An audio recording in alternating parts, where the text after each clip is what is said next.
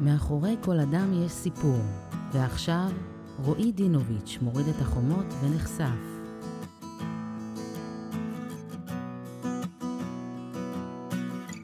הגיע הזמן, אני חייב להיחשף. אני חייב שאנשים ידעו מי אני.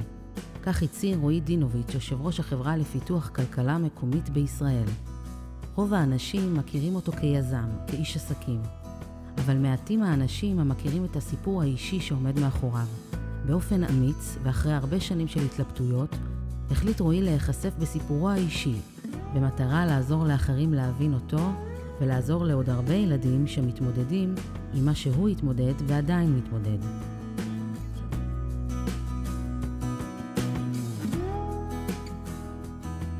כשאני שואלת את רועי למה דווקא עכשיו, הוא עונה במילה אחת, הקורונה.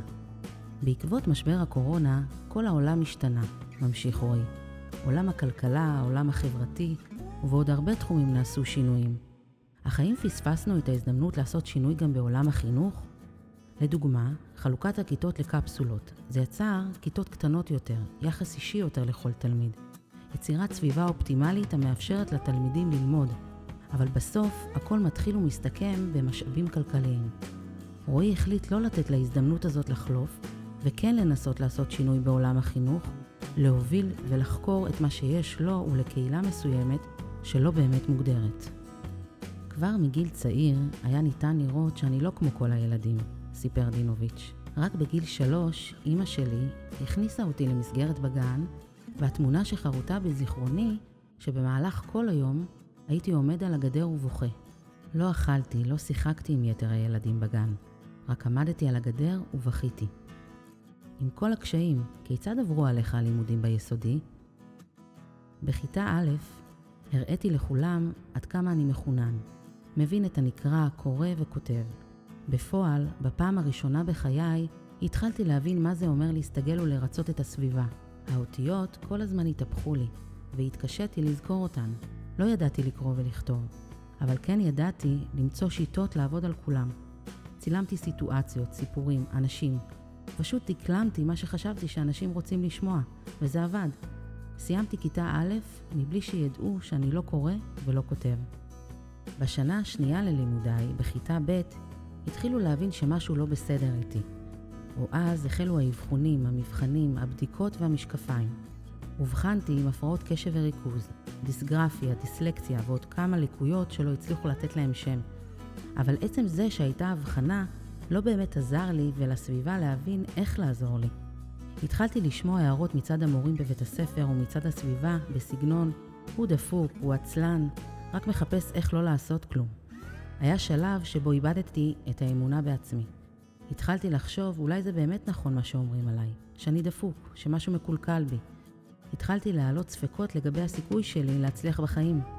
ועם הזמן התחוללה בתוכי סוג של שנאה עצמית, זעם, והתחילו גם התפרצויות אלימות. דינוביץ' עבר טראומות בילדותו, שמשפיעות עליו עד היום.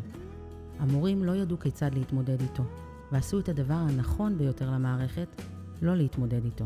הוציאו אותו מהכיתה, מהמסגרת, ממערכת החינוך, הוא עבר חרם, התעללות פיזית ומילולית מצד התלמידים, ההורים של התלמידים והמורים לא פעם בחייו.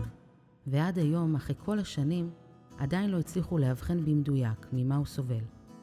ההבחנה שנתנו היא ההבחנה הכי קרובה שיכלו להסביר ולמצוא על מנת להכניס אותו לתבנית מסוימת.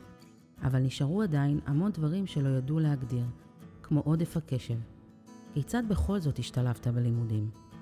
בעקבות המבחנים שעברתי, אמרו להוריי שיש להם ילד מיוחד, והועברתי לכיתת המיוחדים, או כפי שנהגו לקרוא לנו, כיתת המופרעים. שבעה ילדים, בגילאים שונים עם בעיות שונות, שלא בדיוק ידעו מה לעשות איתנו. מצאתי את עצמי בורח החוצה מהצרחות בכיתה, וכך גיליתי את השרת בני, שלימד אותי הרבה דברים לחיים. כמו למשל להקים גינה, לתקן נזילות ובעיות חשמל. אך המיומנויות החדשות שלי לא עזרו לי עם הפער הגדול שהתחיל להיווצר בלימודים, כיוון שהיה לי קשה להתרכז, ולא ידעתי אנגלית, מתמטיקה ומקצועות נוספים. את ביטחונו האישי דינוביץ' זוקף לתנועת הצופים. שם היה חניך מקובל שהתקדם לתפקידי מדריך, רשג"ד ומרכז שבט. הוא הרגיש שהעשייה במסגרת תנועת הנוער הצליחה להשאיר אותו באותה תקופה בשפיות. הצופים היה הבית השני שלי, מקום שבו סוף סוף הרגשתי שייך. שחיבקו ואהבו את רועי כפי שהוא, ואפשרו לי ליזום ולהתפתח. משהו נוסף שעזר לי באותה תקופה הם החברים הקרובים, גל ומורן. במשך שנים הייתי מבודד חברתית. הרבה אנשים לא הבינו אותי ולא רצו לנסות ולהשקיע בלהבין אותי. מורן וגל היוו עבורי אבן תומכת במקום שלא היה אף אחד אחר, ואפשרו לי ביטחון חברתי שאפשר לי לצמוח. הבעיה החריפה כשעלה לחטיבה. הקושי שחווה בלימודים, לצד חוסר היכולת של המערכת לעזור לו להצליח, יצרו אצלו פערים בלימודים שגררו תסכול, אכזבה ותחושת כישלון. דינוביץ' זוכר שהוציא את התסכול באלימות, וקרה לא פעם שנאלצו לנעול אותו לבד בכיתה עד שנרגע. הפערים שנוצרו בינו לבין יתר התלמידים היו גדולים כל כך, עד שהיה חשש שיצטרך לעזוב את הלימודים. יש לי שילוב של לקויות. שלושה בתי ספר לא הצליחו להתמודד עם הלקויות שלי, ולא קיבלו אותי לתיכון למרות שהממוצע שלי היה חיובי. אני מרגיש שמערכת החינוך ויתרה עליי בקלות רבה מדי. אבל אמי לא הפסיקה להילחם עבורי כדי שאמשיך ללמוד, נזכר דינוביץ', שלמרות השנים הרבות שחלפו, זוכר לטובה את המורה טבק, שישבה איתו שעות רבות כדי להשלים פערים, ואת מנהלת בית הספר נילי, היחידה במערכת שהצליחה להנחיל בו פחד ומשמעת. אבל המעט כבר היה מאוחר מדי, והוא לא הצליח לסיים את לימודיו בתיכון. הפרעות הקשב והריכוז, כמו גם הדיסלקציה והדיסגרפיה והלקויות הלא מוגדרות הנוספות, הפריעו לרועי דינוביץ' לא רק בלימודים, אלא גם בקשר הזוגי. הוא זוכר כיצד יצא עם בחורה שהתחבבה עליו, אבל אחרי שהדבר נודע לאביה, הוא אסר עליה להמשיך לצאת איתו. כששאלה מה הסיבה, השיב לה, הוא בחור לא איכותי, לא יצא ממנו כלום. אנשים חושבים שהפרעות קשב וריכוז ושאר הלקויות מתחילות ונגמרות במערכת החינוך. רובם לא מבינים שזה משפיע על כל תחומי החיים. מההתארגנות בבוקר למשימות פשוטות כמו נהיגה, לוויות שינה וזיכרון, הוא ממשיך לחיים הפרטיים, לזוגיות, לגידול ילדים. זה מלווה אותך בכל שלב לאורך הדרך, אומר דינוביץ'. כמעט פספסתי את אשתי בגלל זה, נזכר דינוביץ', שמתאר את שלב ההיכרות הראשוני ביניהם. אני כמעט לא כותב ולא קורא, וכשאני כבר כותב זה מלווה בשגיאות כתיב.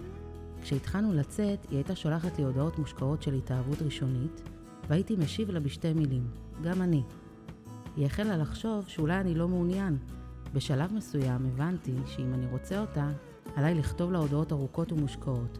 אבל רק אחרי שנים גיליתי לה שההודעות המושקעות נכתבו בשמי על ידי ידידה טובה שלי, רעות. החוויות הטראומטיות מהילדות ואכזבתו ממערכת החינוך ומעצמו חלחלו גם לילדיו. לרועי שלושה בנים. מבחינתו היה מובן מאליו שהאחריות בהסתגלות לבתי הספר תהיה באחריות אשתו. כשבנו האמצעי עלה השנה לכיתה א', רועי ואשתו ליוו אותו כמו הרבה הורים אחרים.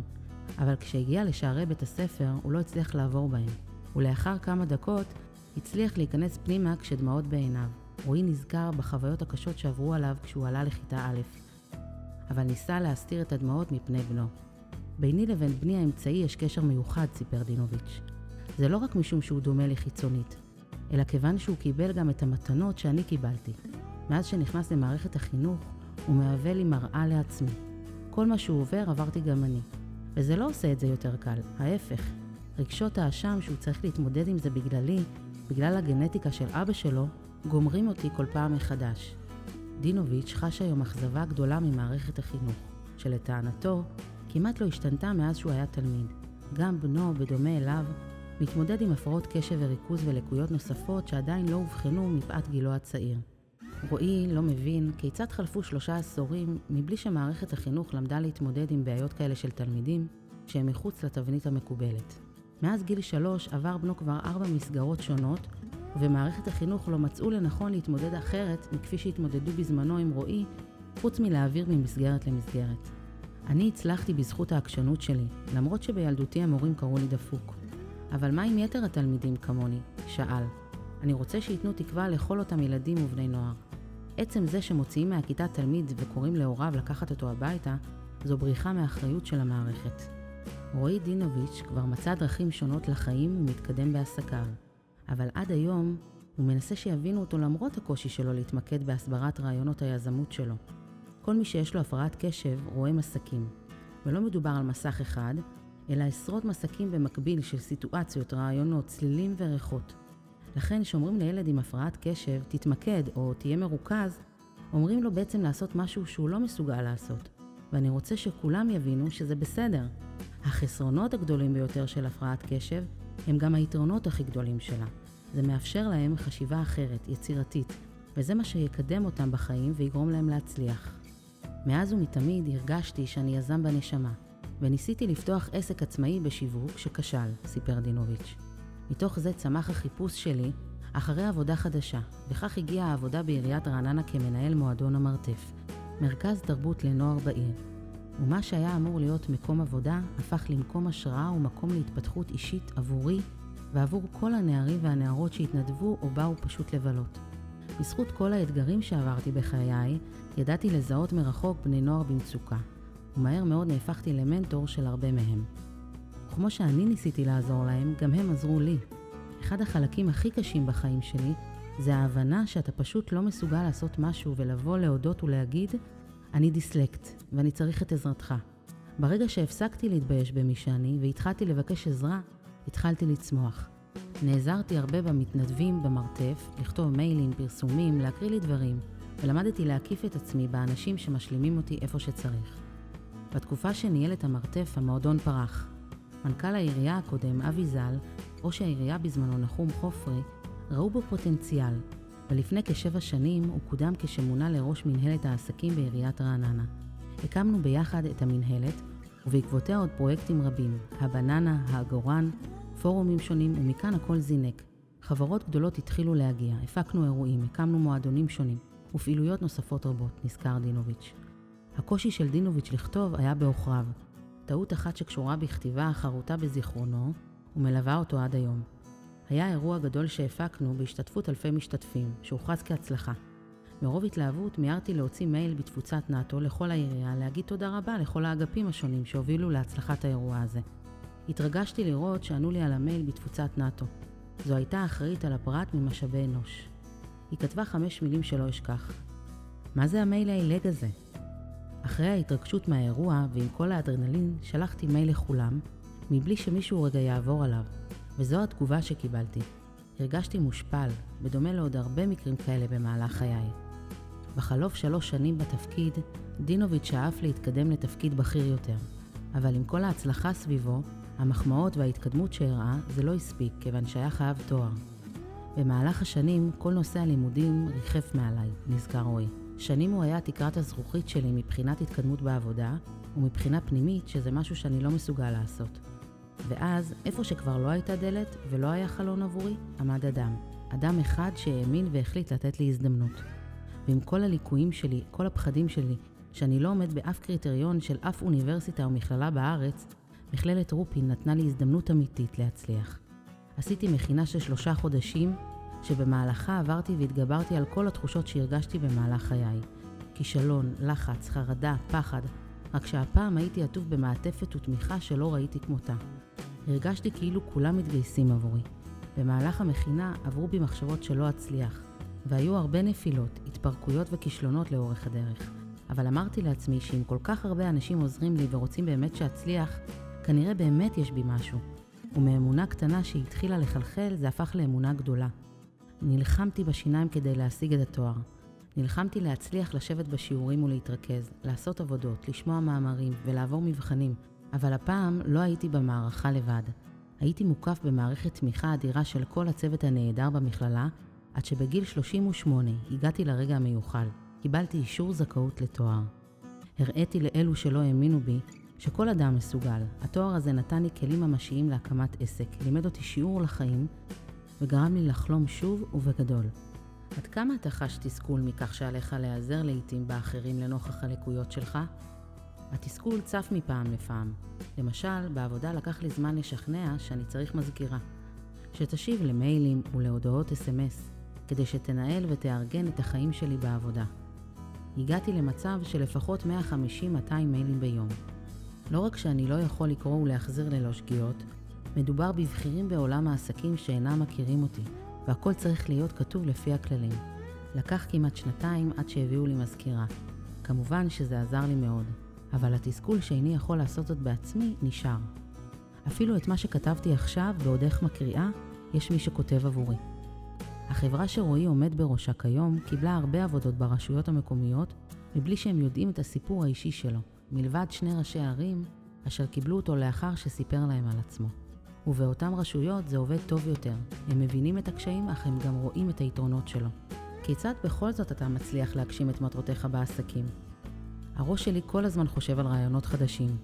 הרבה אנשים לא בהכרח מבינים אותי וחושבים שאני פנטזיונר. זה קורה לי המון בעבודה, ולא מעט עם החברים. איך אשתי אילנה אומרת? אחרי 13 שנה אני כבר למדתי לא להגיד לא לאף רעיון או חלום של רועי, כי בסוף הוא מגשים את כולם. עם כל זה, התסכול שלי נמשך, שאני לא מצליח לעשות בעצמי הרבה דברים. לדוגמה, בתקופת הלימודים לתואר לא הצלחתי ללמוד. ניסיתי את כל השיטות האפשריות שישנן, ואני תמיד צריך מישהו לצידי. גם אחרי שלמדתי והבנתי את כל החומר, אחרי תקופה קצרה זה פשוט נמחק.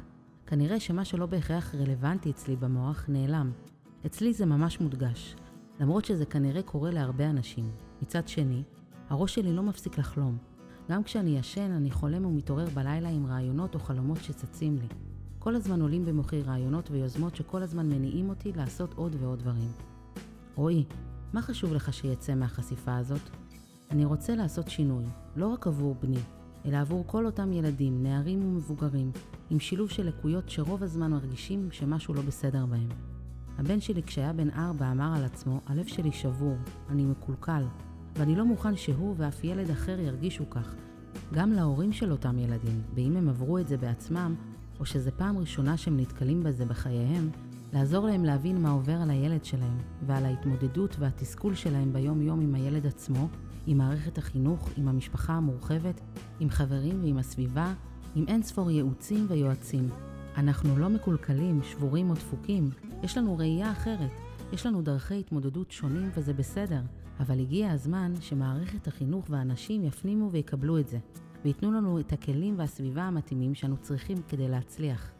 אני מוכן להיות שפן ניסיונות למחקרים בנושא, שיכולים לעזור לי ולבני ולכל אותם ילדים למצוא את הפתרון הנכון עבורנו. אני קורא לכל האנשים שרוצים לשנות ולהשפיע, לפנות אליי למייל האישי בכתובת roeed 26 שטרודל Gmail.com בואו יחד נשנה את העולם.